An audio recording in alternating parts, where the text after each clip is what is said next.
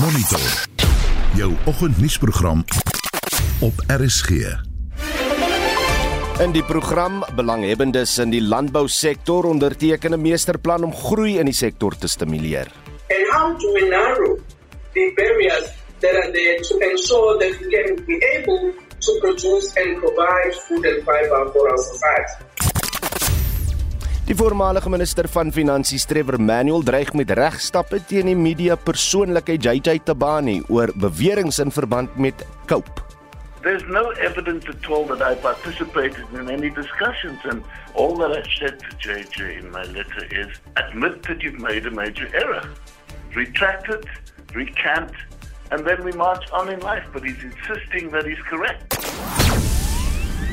En gesiggestremdes gaan hof toe teen kopiereg wetgewing. Goeiemôre, dis Vrydag die 13de Mei. Ons eh, redakteur vanoggend is Hendrik Maten, ons produksieregisseur Johan Pieterse en ek is Oudo Karelse. Welkom by Monitor.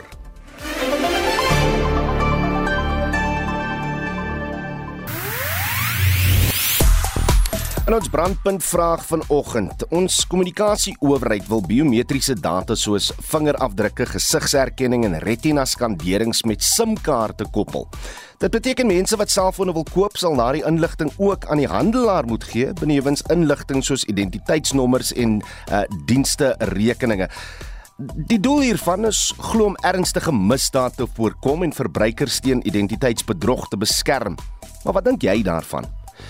Daar is uh, verskillende maniere om jou kommentaar te stuur. Stuur 'n SMS na 45889. Dit kos jou R1.50 per boodskap of praat saam op die Monitor en Spectrum Facebook bladsy. Jy kan ook vir ons 'n stemnota vanaf ons Facebook bladsy stuur. Klik net die message knoppie bo aan die bladsy of gebruik Messenger om dit te doen en uh, stuur gewoonlik uh, soos jy gewoonlik doen vir ons 'n stemnota na 076 536 6961. Goeiemôre. In Premierliga sokker skitter Harry Kane in 'n belangrike oorwinning oor Arsenal. Die Nieu-Seelander Brendan McCallum as die afrigter van Engeland se toetskriketspan aangewys en vier veranderinge aan die WP Curriebeekerspan vir die Pumas kragmeting vanaand in Bombela. Meer hieroor bietjie later. Ek is Christo Gawie vir RSG Sport. UKZN is een van Twitter se gewilde onderwerpe. Die Universiteit van KwaZulu-Natal se gradeplegtigheid het gister plaasgevind. Dit het met spesiale vreugde gepaard gegaan omdat dit die eerste keer sedert die inperking is dat tersiêre instellings weer fisieke gradeplegtighede hou. En die bygelowiges let op dat vandag Vrydag die 13de is. Die hitsmerk Friday the 13th is al amper 60000 keer op Twitter gedeel en 'n interessante feit ek het dit nie geweet nie. Enige maand wat op 'n Sondag begin, het gewoonlik 'n Vrydag die 13de.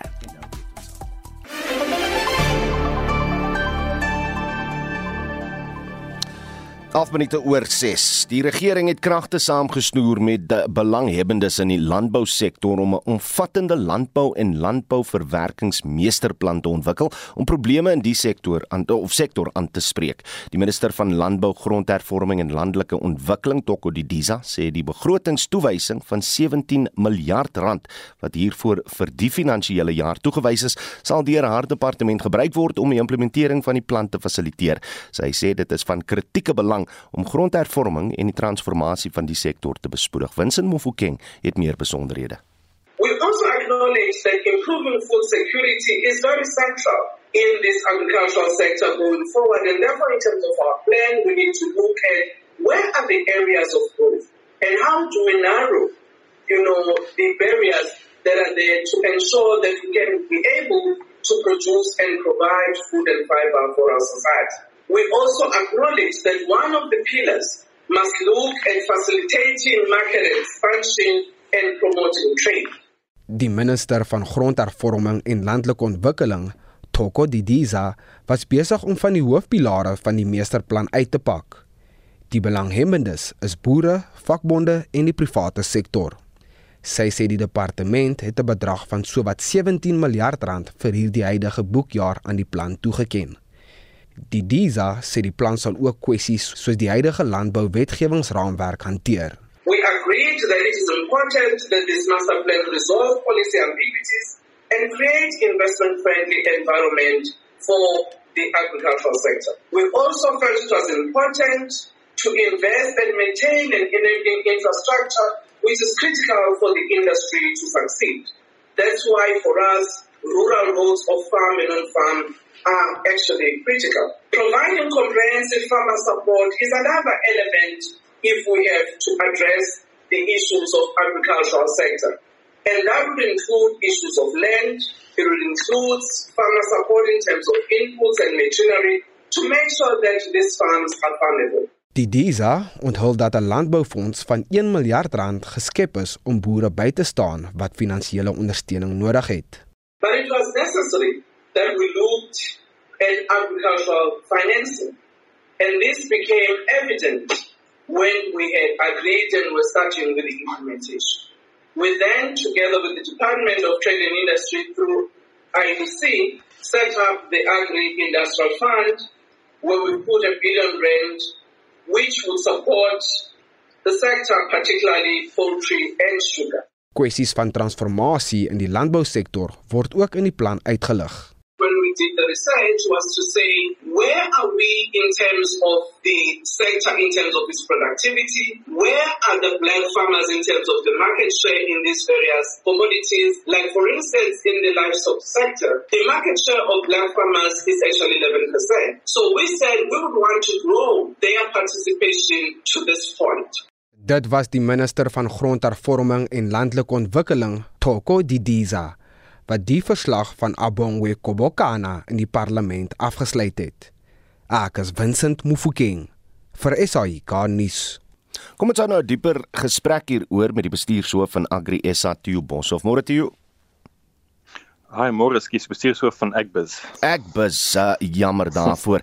Is jy tevrede? Is is jy tevrede met die meesterplan?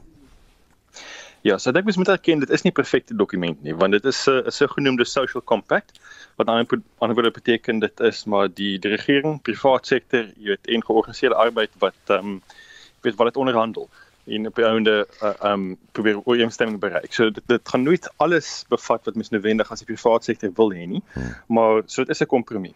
Maar in die algemeen dink is ons is ons redelik um, gelukkig dat dit darem 'n goeie kompromie is en dat die meerderheid van die jy weet inter, intervensies wel gunstig is vir besigheid. Hmm. Die die plan het 'n begroting van 17 miljard rand vir vir hierdie finansiële jaar. Is is dit genoeg? Of ja, is hy genoeg? Kyk, dit dit sal nooit genoeg wees nie as ek dit so kan stel. Jy weet mense altyd mense altyd meer ehm um, natuurlik wou sien, veral wanneer kom jy weet kom na van die groot intervensies soos infrastruktuur, soos gemengde finansiering. Ehm um, maar eintlik op hierdie stadium men, mense besef, jy weet die uh Suid-Afrika, jy weet nou vir al die staat het nie, jy weet is is is, is in 'n redelike knyp in terme jy weet van ons van ons begroting. So mens kan nie regtig meer as verwag nie. Hmm. Wat ek dink nou uiters belangrik is is hoe daai geld ehm um, bestee word. En daar is 'n paar kritiese intervensies wat eintlik 'n jy weet 'n groot impak kan hê op die private sektor. In ander woorde, as daar sekere dienste is wat jy weet wat ehm um, die staat moet verrig, jy weet inspeksiedienste byvoorbeeld die registrasie van produkte wat op die oomblik 'n bottleneck is vir die private sektor. As hmm. as mens daai geld kan bestee om meer kapasiteit daar te bou, dan ontlok dit meer jy weet natuurlik meer ekonomiese groei in die private sektor en jy weet ehm um, natuurlik ook meer meer belastinggeld. So daar sou mens ook graag wou sien en um, daar's nie geweldig baie daarvan die Agri Industrial Fund van die IDC is natuurlik genoem. Ek weet dit is die eerste sou die eerste been van die blended finance. Mm -hmm. Maar mens hoop dat in die volgende paar maande dit die ooreenkomste dan gesluit sou word met privaat finansiële instellings. Want dan kan mens natuurlik verder gaan in die begroting as mens kommersiële finansiering inbring mm. of versag deur uh, deur die staat se begroting te gebruik. Waar los hierdie meesterplan die proses van grondhervorming? Ja, so die eintlik die, die proses van grondhervorming is jy dis natuurlik reeds in die gang, nie so hmm. vinnig soos wat mens ehm um, gehoop het dit sal wees nie. Die Agri Industrial Fund kan miskien help alhoewel dit nie direk op grondaankope gemik is nie. Dit is meer eintlik vir die industrie, jy weet industrialization ehm um, jy weet elemente daarvan.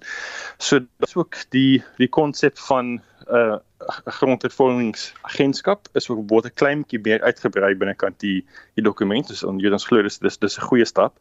Jy weet om met 'n agentskap te skuif.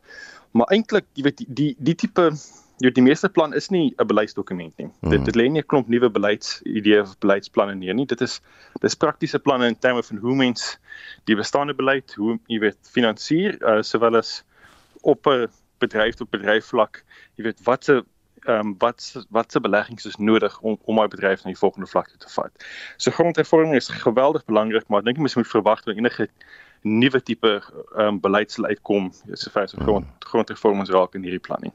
Ga, gaan ons nou uiteindelik sien met hierdie geld wat wat nou toegewys is uh, dat ons probleme by die hawens uh, tot 'n einde kom.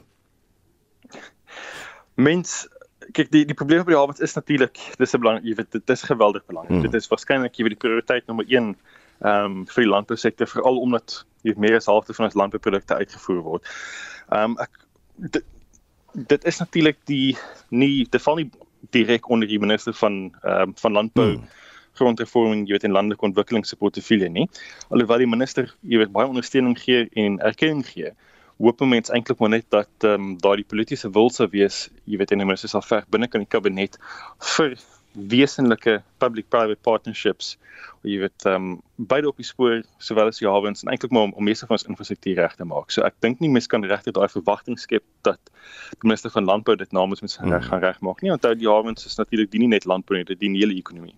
Ek, so daar moet ja, jammer, dan moet daai proses gevolg word. Ja. Het ek nou reg gehoor dat dat daar 'n miljard rand beskikbaar is vir die ondersteuning van opkomende boere?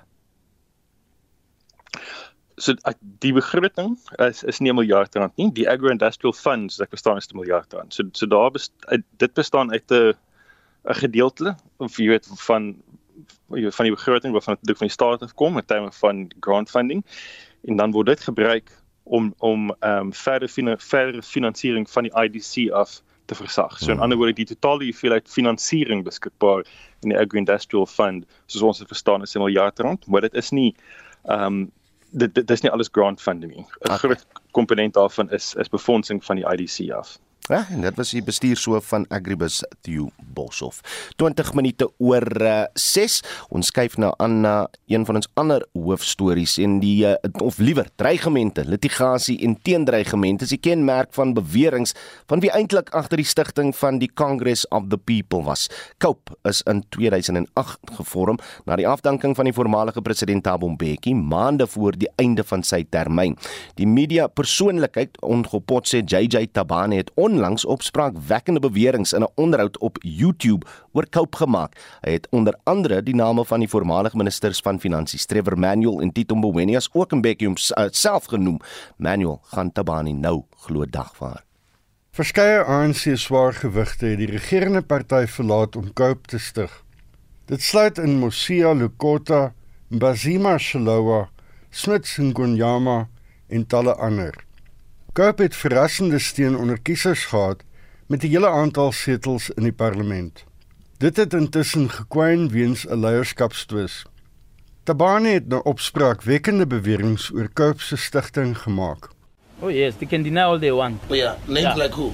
Trevor Manuel in Oof. the background and he, he may be as angry as he likes, I don't care. Tito Mboweni in the background. Oof. In fact, Tito Mboweni and Trevor Manuel used to fight in the background about you know how they wanted to be involved. Manuel dreig met litigasie indien Tabani nie sy uitlatings terugtrek nie. The idea that the Minister of Finance would be involved in forming a party as rival to the ANC ahead of the 2009 elections is bizarre. There's no evidence at all that I participated in any discussions, and all that I've said to JJ in my letter is admit that you've made a major error. Retract it, recant, and then we march on in life. But he's insisting that he's correct. There is nothing to suggest that I had any contact with the founders of COPE. Die lid van die ANC se nasionale uitvoerende komitee, Lindiwe Sisulu, het 'n brief aan president Cyril Ramaphosa geskryf om in te gryp by die twis. Maar die brief is aan die media gelek, iets wat Sisulu as skokkend beskryf. And how it leaked is something I'm still wanting to find out. And the storm, I'm very far from the storm. I think that uh, whoever is uh, stoking a storm is being deliberate about it. I have a responsibility to ensure that where the ANC is concerned, and I do feel that I have an answer to communicate it, and I communicated that to the president. Cope het intussen hulle skok uitgespreek. Die party sê hulle beskou die beweringe in 'n baie ernstige lig. Die party se woordvoerder, Dennis Bloem, sê Tabane moes bewyse verskaf dat mense soos Manuel agter die stigting van Cope was. The person who have made these allegations must come out and reveal his sources and he must come up with proof because we know that Comrade Trevor Manuel were never an advisor of the Congress of the People or former President Thabo Mbeki was never advisors of the Congress of the People. Tabane sê intussen hy staan by sy beweringe. Hierdie bydra van Abongile Dumaku en ek is Hendrik Martin vir SAK nuus. Die Nelson Mandela Stichting sê die vertoon van die ou Suid-Afrikaanse vlag verteenwoordig 'n nostalgie vir apartheid. Die Appelhof het eh, 'n uh, aansoek van AfriForum van dese week aangehoor om 'n gelykheidshof uitspraak wat die vertoon van die vlag as haatspraak verklaar tersyde te laat stel. Die uitspraak is in 2019 gelewer op grond van 'n saak wat deur die stigting en deur die Suid-Afrikaanse Menseregte Kommissie aanhang gemaak is nadat die vlag by 'n betoging teen plaasmoorde vertoon is. Die Nelson Mandela Stichting en die Menseregte Kommissie staan AfriForum se appel teen. I think it's important that we let listeners of RSG understand that this is not just about the flag. On trial is the very real essence of our reconciliation project, uh, Nelson Mandela's nation building project, and how we need to imagine a society that understands its compatriots' pain and have some level of compassion for how people react or feel about symbols that represent uh, their humiliation. Die Nelson Mandela Stichting se bestuurshoof, Selo Gatang, sê nog erger, die vlag verteenwoordig nie net 'n belediging vir die waardigheid van Afrikane nie, maar ook vir mense van alle rasse wat die mensdom ondersteun. Die Verenigde Nasies het apartheid as 'n misdaad teen die mensdom verklaar. Gatang verduidelik they felt like they were second class citizens everywhere they went because of the symbols such as the flag that we are talking about. And I think if we are to think of it like that, it means that even at your worst point of opposition to what we are trying to do, I'm pleading with you to begin to at least want to understand that we are a nation in healing, a nation that's still trying to uh, stitch its wounds together. So the last thing we want is symbols that then undoes the things that uh, we have tried to then do. AfriForum voer aan dat konteks deurslaggewend is omdat die ou Suid-Afrikaanse vlag apartheid kan simboliseer. Maar diegene wat dit wil vertoon, handel ook met die oorheersende betekenis daarvan. Gatang se boodskap aan AfriForum is dat jy nie jou brood aan albei kante gebotter kan hê nie. You can't have it both ways that you say Dubuli is hate speech because of the harm that it causes. And here they keep going on just about how one feels instead of harm. The harm test is just as important. And the harm that comes as a result of words, flags also speak. Flags reflect emotion. Flags tell a story of people who uh, are saying they are not in agreement with the current changes that we have had in our democracy. Flags kind of uh, also tell a story of people who uh, are saying we are pining for the past.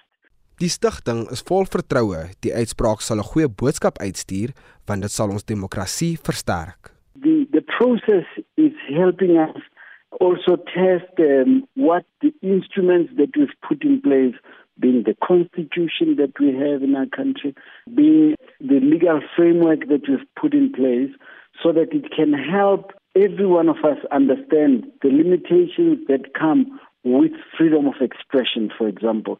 So it raises awareness about the issues, and awareness alone is important. And I think if we were to think of it like that, and I'm pleading with listeners of RS here that each one of them should uh, be thinking of of this as a moment for us to also be reflecting as a country, as a democracy, as a healing nation. That let's try and have this compassion. Dit was Silo Gatang, die Nelson Mandela Stichting se bestuurshoof.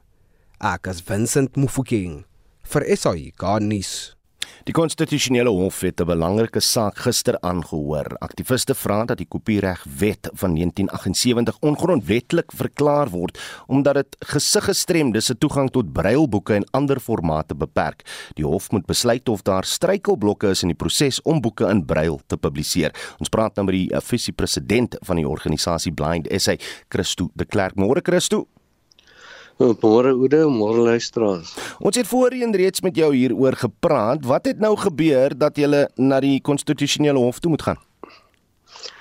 Ons het op 21 September met die Gautengse Hooggeregshof 'n uh, bevel in ons guns gekry wat die 1978 uh, kopieregwet ongeldig verklaar, ongrondwettig verklaar en dat artikel 19D van die kopiereg wysigingswet waaroor daar nou al jare getwis word ingelees moet word as 'n tydelike verligting vir ons daardie artikel uh, verskaf die kopiereg uitsonderings wat ons nodig het.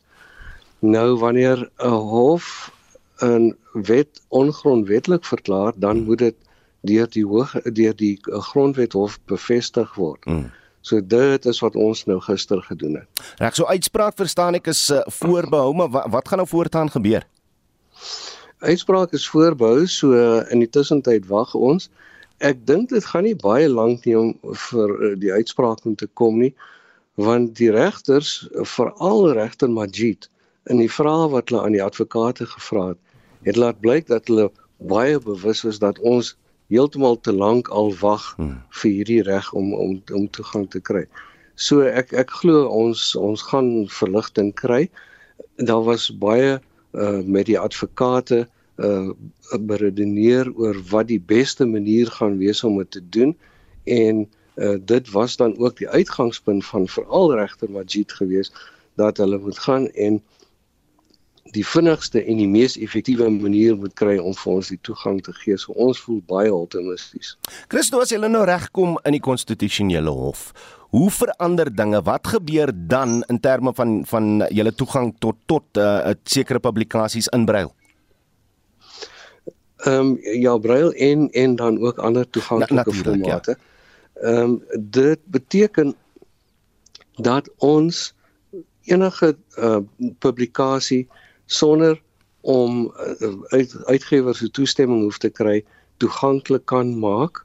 Uh want soos die uh, wet op die oomblik staan, moet ons uh toestemming kry van die uitgewers en dit kan baie lank vat en ek oordryf nie as ek sê dat in 90% van die gevalle kry ons nie die to die toestemming nie. Die ander groot voordeel is die um, internasionale uitruil van materiaal. Uh ons kan nie op die oomblik dit doen nie en uh, op die oomblik as boeke wel beskikbaar is in ander lande, moet ons die wiel hier herontwerp en die boek hier ook toeganklik maak teen geweldige koste in tyd en geld. Hmm.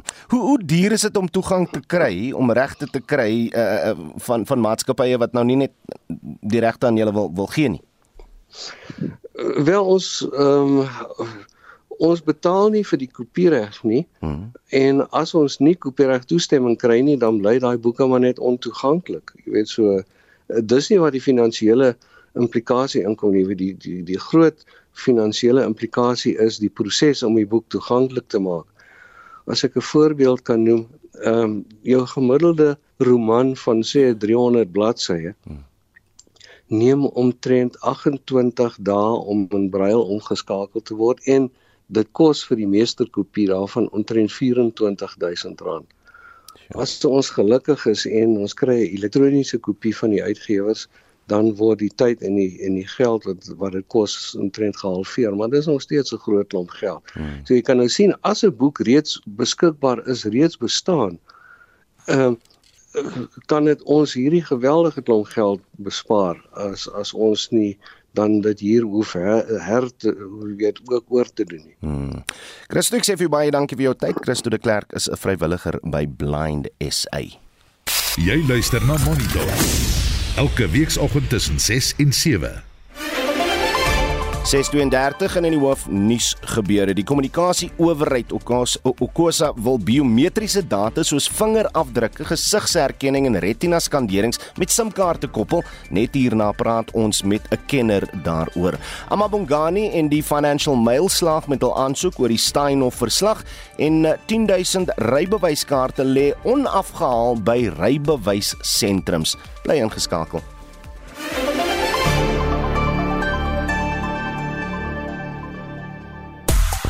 Reg ons praat vanoggend in ons brandpunt vraag oor hierdie uh, kommunikasie owerheid uh, die nuwe regulasies wat hulle wil instel om biometriese data soos jou vingerafdrukke, gesigsherkenning en so voort uh, te gebruik as jy nou 'n selfoon wil gaan koop of 'n rekening wil gaan oopmaak.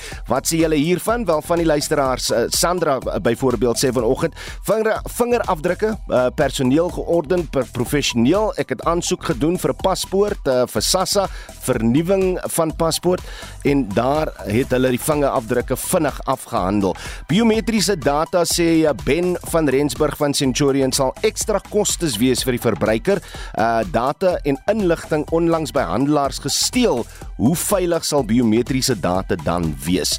Uh Samuel van Gouda sê die staat wil DNA databasis implementeer. Dit lyk goed op papier, maar polisie se forensiese eenheid sukkel dan maande met 'n een eenvoudige dronk bestuur monster.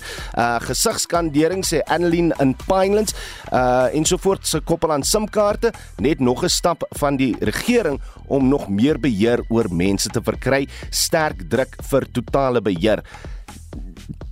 Die punt, my uitgangspunt is jou biometriese inligting, jou gesigskandering sit reeds met binnelandse sake. Iedereen elk wat 'n wat 'n paspoort het, wat 'n ID-dokument het, hy sit reeds aan by die regering.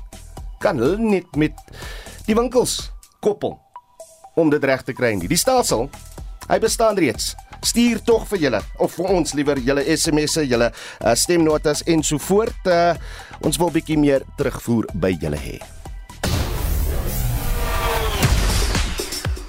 Christo Gawie staan gereed met die jongste sportnuus.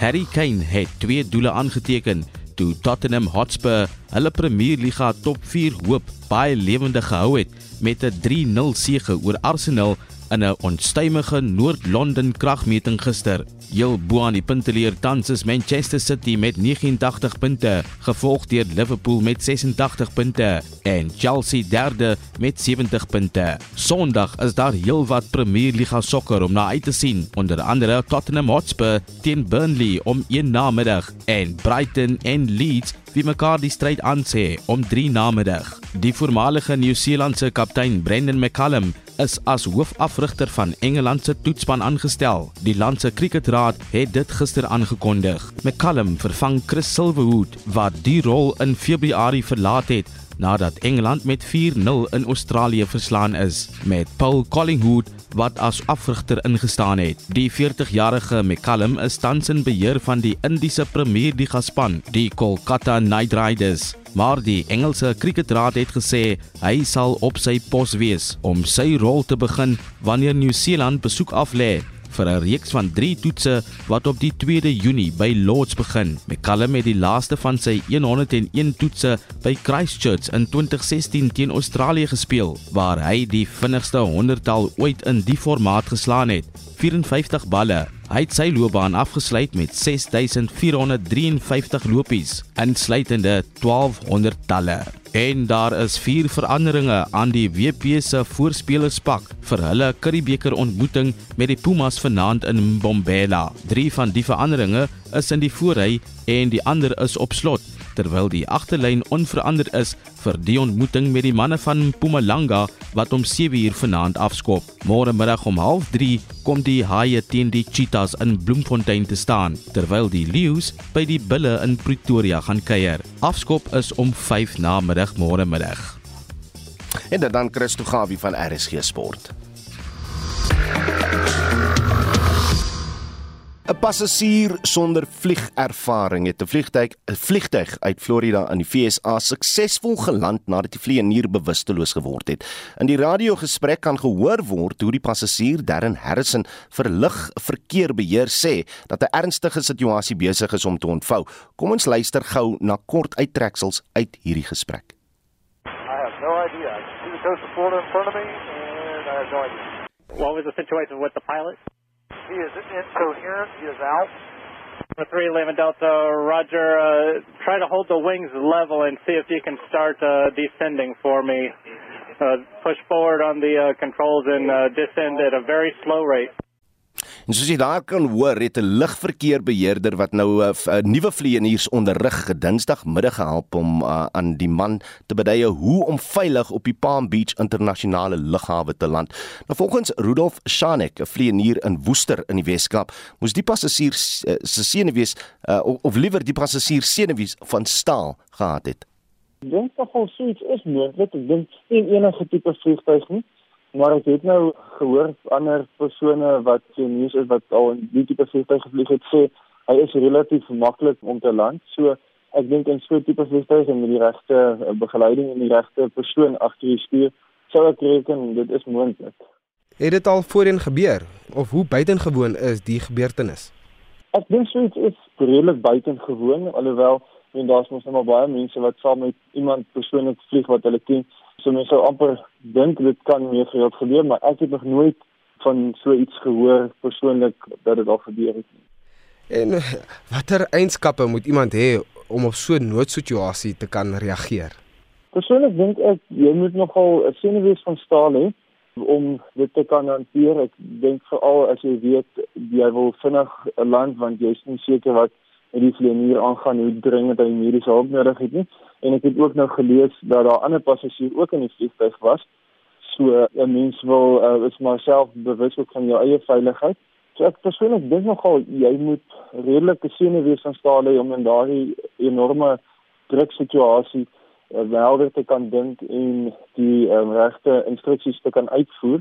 Veral omdat dit ook maar 'n redelike komplekse ding is om 'n vliegtuig dan nou te hanteer of net selfs net reguit te vlieg in 'n vliegtuig as jy glad nie weet wat jy doen nie, is al klare uitdaging.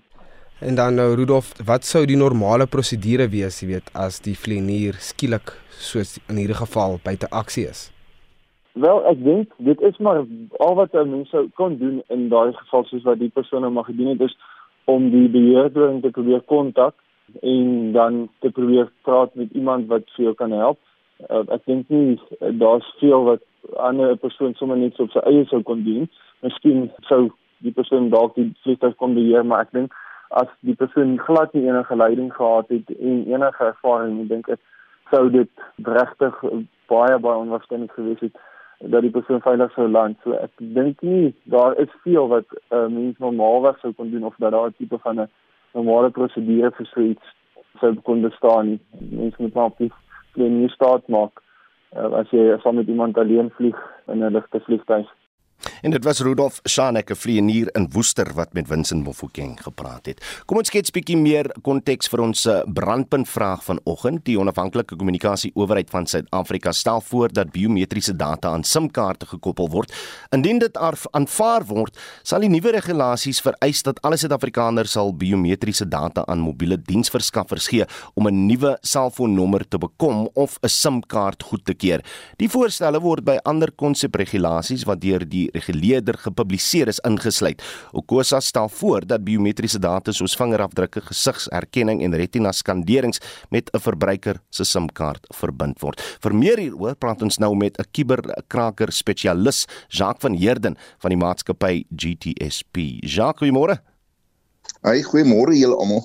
As hierdie regulasies eh, deurgevoer word, hoe gaan dit kubermisdaad bekamp? Nee, daar's niks om te sê dit gaan kibermisdaad bekamp nie. Die die konsep van om jou biometriese data te gebruik is om jou te verifieer op die einde van die dag om want kyk ons sit met 'n groot probleem op die oomblik waar waar ons SIM-kaarte deur valse identiteite geaktiveer word op die SIM-netwerke. Hmm. So die biometriese data wil gebruik word om jou te identifiseer op die einde van die dag. So die heel eerste vraag moet wees, waar word hierdie biometriese data wat dan gekollekteer word? Waar gaan dit gestoor word? Ja, dit is dis reg om te sê Affairs het ons biometriese hmm. data. Dit is reg. En mens kon dan geaanvaar het dat jou uh, dat jou SIM operator soos uh, jou telefoonmaatskappye kon dan 'n um, 'n oproep gemaak het of 'n koneksie gemaak het na Home Affairs toe hmm. om dan die data te verifieer. Daai koneksies is nog nie in plek nie en ek glo ook nie Home Affairs gaan sommer net daai data bekendstel of um, aktief stel vir enige um, mense daar buite nie. So wat nou gaan gebeur is jou jou mense daar buite jou SIM kaart providers en daai ouens hulle gaan byvoorbeeld daai data kollekteer en hulle gaan dit by hulle self stoor. Hmm. Ons vraag is dan hoe veilig is daai data wat gestoor word? Weet ons lees elke maand tweede maand van 'n data wat gelek word soos met jou Tusken ene. As hierdie data gelek word, is dit jou identiteit wat nou weg is.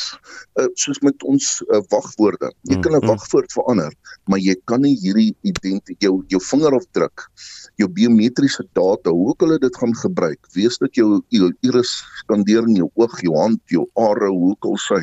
Jy kan dit nie verander nie. So as daai goed gesteel word, is dit verby met jou identiteit. En dit het al gebeur. In 2019 het 'n baie groot um, data was daar baie groot data um, diefstal gewees van biometriese data. Daai mense kan nie hulle vingerafdruk en goed verander nie. So wat nou? as daai data uitlek. Jacques, sekerlik gaan dit makliker wees om 'n stelsel te hê waar binnelandse sake nou nie noodwendig jy toegang gaan gee aan sakeondernemings tot die die inligting uh, uh, tot hulle beskikking nie maar maar dat dat, dat kan tog 'n soort van 'n verifiseringsproses uh, daar uitkom sonder om toegang te gee Ja, mens die konsep agter dit in ek ek vra net om verskoning gaan 'n Engelse woord gebruik. Ja, ja. Hulle noem dit 'n hash. Soos 'n wagwoord het 'n hash. Dit hmm. is maar net 'n algoritme van die wagwoord. Dit is nie ja, mens kan die die die sorry vir die woord, maar die hash. Jy hmm. kan dit ehm um, ehm um, gebruik en dan agterkom wat is die wagwoord. So as mens die die identiteit kon verifieer teen 'n home affair, dan sal ek sê dis 'n baie goeie konsep. Hmm. Maar sodra elke saak onderneming uh, jou data gaan begin stoor, hoe weet ons daai data is veilig? Nou, kyk van die banke gebruik dit al reeds. Ja. Ehm ja. um, van die groot banke gebruik jou gesig om te verifieer wie jy is. Dis nie 'n slegte ding, dis 'n baie goeie konsep. Die ding is net hoe weet ons hoe word hy data beskerm op hierdie vandag en waar lê my data? En die, my grootste vraag aan myself wat ek nie kan antwoord nie is wanneer hierdie data gesteel word en dit kom in kuberkrakers se se hande en hulle kan dit gebruik dan om rekeninge namens jou oop te maak want dan het hulle alles. Hmm. Hulle het jou biometriese data ook.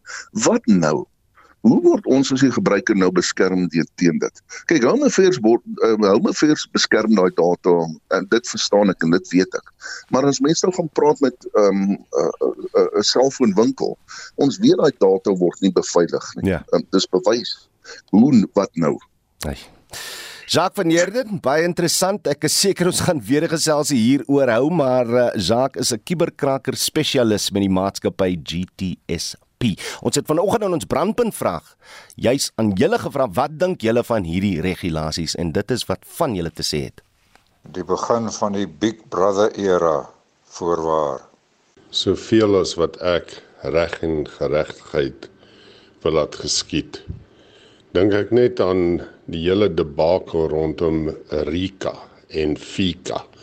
Kon sy om ons te beskerm, maar nog steeds word geld onttrek uit rekeninge geplaas in onwettige rekeninge en van daar af onttrek weer eens.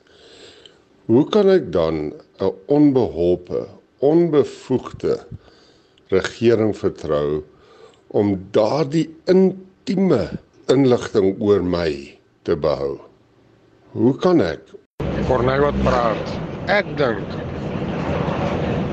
dit gaan 'n baie baie goeie ding wees om misdaad te bekamp in hierdie land wat nou veel te wense oorlaat. Dit raak nou net te erg.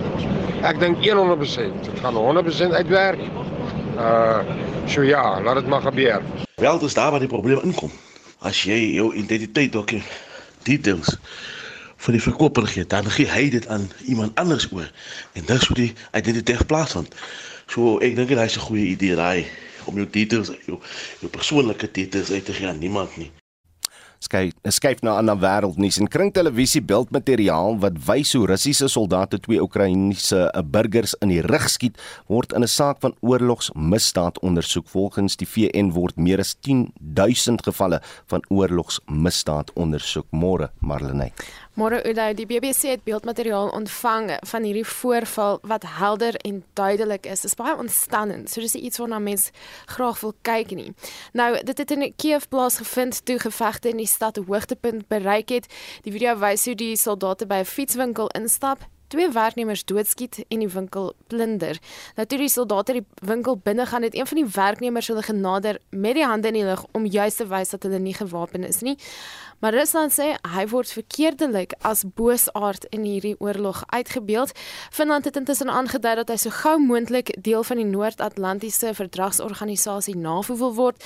Rusland sê hy word gedwing om op te tree in reaksie hierop en sê 'n verklaring die stap gaan bilaterale verhoudings ingrypend benadeel. Hmm. In Amerika is daar 'n erge tekort aan formulemelk vir babas, soveel so, maar hulle net dat dit gerantsoneer word in winkels maar waar rakke amper leeg is. Ja, kan jy glo in ja. Amerika. So president Joe Biden sê stappe word gedoen om die kwessie te ontlont. Nou die tekorte volg op die sluit van die Similac fabriek nadat formulemelk daar besmet is. Die woordvoerder in die Withuis, Jen Psaki. President Biden has directed the administration to work urgently to ensure that infant formula is safe and available for families across the country during the Abbott Nutrition voluntary recall. But this is work that's been underway for months. Today, President Biden spoke with retailers and manufacturers, including the CEOs of Walmart, Target, Reckitt, and Gerber, to call on them to do more to help families purchase infant formula. Nou Lisa Stallwagen, die stigter van die Universiteit van Kalifornië se Melkbank, sê Sakkie se woorde is gerusstellend, maar sy sê ook dat die impak hiervan nie ontken kan word nie. The greater impact here was for some of the specialty formulas that were made by Abbott, and those children have less options in terms of formula substitutions. We encourage families to go look for a formula. They can substitute other infant formulas and switch between brands until they find the supplies restored of their normal formula. But babies who have medical issues, premature babies, newborn babies, the families may be interested in reaching out to a milk bank to look for pasteurized donor human milk to feed those needs. Sy sê jy sal dit 'n toename in oproepe ontvang van desperate ouers. En ek sien die uh, massiewe gravitasie-kolk in die middel van ons sterrestelsel is vir die eerste keer afgeneem. Ja, so die foto wat ons het, wys 'n dik oranje kring is amper dieselfde kleur as die son met 'n swart gat in die middel. Nou, die massa van die gravitasie-kolk is sowat 4 miljoen keer die van ons son en die kring is omtrent so groot soos Mercurius se wentelbaan om die ja. son. So dis nogal groot. Ehm um, meer hieroor in Spectrum vanmiddag. Ja, ek sien uit daarna. Dis Marlene Forsie met ons wêreldnuus. Dit was eers na 1973 dat vroue in die Verenigde State die reg tot 'n abortus gekry het. Dit was na die uh, toe toonaangewende uitspraak in die nou beroemde saak Roe versus Wade in Amerika. 'n Voorlopige uitspraak deur Amerika se hoogste regshof is egter onlangs aan die media gelek en daarin word geargumenteer dat die Roe versus Wade uitspraak tersyde gestel moet word. Ons praat nou met 'n dosent in privaat reg by Akademia, Dr. Birgit Kuska, oor die betekenis en moontlike gevolge hiervan. Birgit, goeiemôre. Goeiemôre Oudo. Goeiemôre luisteraars. Wat is die inhoud van hierdie konsep uitspraak van regter Samuel Alito en, en watter impak kan dit wel inhou? Oudo Roe versus Wade van 1973 het aan state in Amerika die vermoë gegee om self uh, vrugafdrywing te reguleer. En nou blyk dit na amper 50 jaar asof die appelhof daar, die hoogste hof, die besluit wil um, omkeer sodat dit terugverwys word na die federale reguleerders ten aansien van die besluite oor of aborsies gewettig is of nie. Tans is daar 36 konservatiewe state wat reeds 'n uh, wetgewing ingevoer het wat aborsies weer eens um onwettig verklaar het en dan die ander liberale state wat dit nog steeds toelaat en natuurlik is daar nou die oorgang na grense of van grense deur pasiënte om nou aborsies of vrugbedrywings te kry in state waar dit wel heeltemal gemagtig is. Dink jy ons gaan nou 'n toename sien in in sake wat aanhange gemaak word wat wat juis hierdie hierdie uh, saak wil wil uitdag? Oor in Suid-Afrika het ons spesifieke wetgewing uh vir vrugafdrywing. Ons het 'n ander sosio-ekonomiese stelsel. Ons het geweldige armoede en natuurlik het ons uh verkrachting, hoë uh verkrachtingsgetalle. En ons het uh, in 1996 reeds 'n wet op die keuse vir die beëindiging van swangerskap ingevoer en dit gee wye regte aan die vrou ja. om te besluit oor haar eie liggaam. Ehm um, die wat wat werklik belangrik is, is dat Amerika het 'n baie eenvoudige oudheidse grondwet. Hulle hmm. constitution is is nie geweldig uitgebrei nie en dit verwys glad nie na natuurlik abortus nie. Ehm um, waar ons het 'n uitgebreide en moderne grondwet en in terme van ons grondwet artikel 12 het 'n vrou die reg om te besluit ehm um, oor haar eie liggaamlike integriteit. En dit is net die vrou wat mag besluit oor die abortus of nie bygestaan in sekere omstandighede deur mediese praktisyns. En dit was dokter Birgit Kuska, 'n dosent in privaatreg by Akademia. 'n Kaapstadse rugby skrywer het van dese week die vraag gevra of Latyn 'n wêreldtaal of 'n dooie taal is. Derhalwe gesels dokter Willem Botha van die Woordeboek van die Afrikaanse taal vanoggend oor Latyn en Latynse woorde in Afrikaans soos fenestra. Môre Willem Goeiemôre, is 'n rubriekskrywer uh, oor nie 'n rugby skrywer nie. O, oh, dat wie ek, ek moet my oë laat laat uh, laat check. Luister, daar daar's 'n groot verskil tussen 'n wêreldtaal en 'n dooie taal. Is Latyn volgens jou uh, uh, wat is die een van die twee sê? Ehm, um, Udo, as jy my vra is hy 'n dooie taal, dan sê ek vir jou ja en nee. As ons verwys na klassieke Latyn, soos van Virgilius en Juvenalis wat op skole en universiteite onderrig word en wat waarskynlik nooit gepraat is nie. Is die antwoord ja, dis 'n dooie taal. As ons egter verwys na vulgêr Latyn wat ontwikkel het tot Italiaans, is die antwoord 'n besliste nee, dis nie dood nie. As jy verder in ag neem dat 60% van die Engelse woordeskat uit Latyn kom, is Latyn nie alleen springlewendig nie, maar is ook 'n wêreldtaal. OK. Engels en Afrikaans is beide Wes-Germaanse tale en as Engels so baie woorde van Latynse oorsprong bevat, wat is die geval met Afrikaans? 'n Verbasend groot persentasie Afrikaanse woorde is van Latyn afgelei.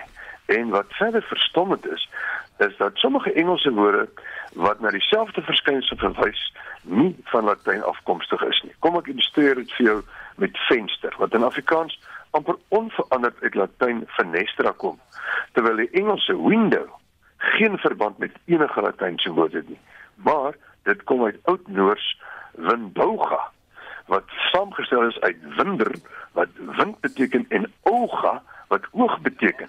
Met ander woorde, jy kan die wind en die oog in Afrikaans daai herken, maar is, is nie nie verband met Latyn nie en dit beteken eintlik oog op die wind of 'n oog na buite. Nou die, die Romeinse boutegnieke was baie baie gevorderd. En op bougebied het Nederlands en gevolglik ook Afrikaans baie woorde aan Latyn ontleen, waaronder byvoorbeeld kamer uit camera en muur uit Latyn murus wat eintlik 'n steenmuur was. As hy Dr Willem Botha is die uitvoerende direkteur van die Woordeboek van die Afrikaanse taal. Sou jy 'n woord wil borg of koop, besoek www.wat.co.za of Google borg 'n week. Sosiale media gebruikers is briesend oor die regering se plan om 50 miljoen rand aan Kiba te skenk, hoewel die skenking nog voor die hof gedaag word deur die minister van internasionale betrekkinge Naledi Pandor gister gesê dat Suid-Afrika nie sy rug op Kiba sal draai nie. Nou dis daardie stelling wat mense op hol het. Pieter tweet byvoorbeeld ons sit in die donker omdat die regering Eskom vernietig het. Daar's nie brandstof by die OR Tambo lughawe nie en miljoene Suid-Afrikaners het nie kos nie. Maar ja, kom ons stuur 50 miljoen rand na Kiba. You are clueless Paulus skryf Pieter. En dan gons dit ook oor Parklands in die Wes-Kaap, dit na 'n aantuiging van die Suid-Afrikaanse Jeugraad dat skoolmeisies deur buitelanders gebruik word om sekswerk te doen.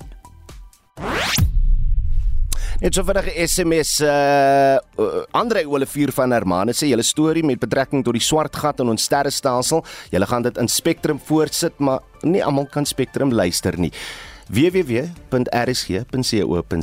alles is as potgooi beskikbaar kan jy op jou gemak op jou bankie gaan sit en luister. Andrei Olivier in Hermanus, ek hoop dit werk vir jou. Dan groet ons namens ons uitvoerende direkteur regisseur vanoggend Nicoline de Wie, ons redakteur vanoggend Hendrik Maten, ons produksieregisseur is Johan Pieterse en ek is Udo Karelse. Totsiens.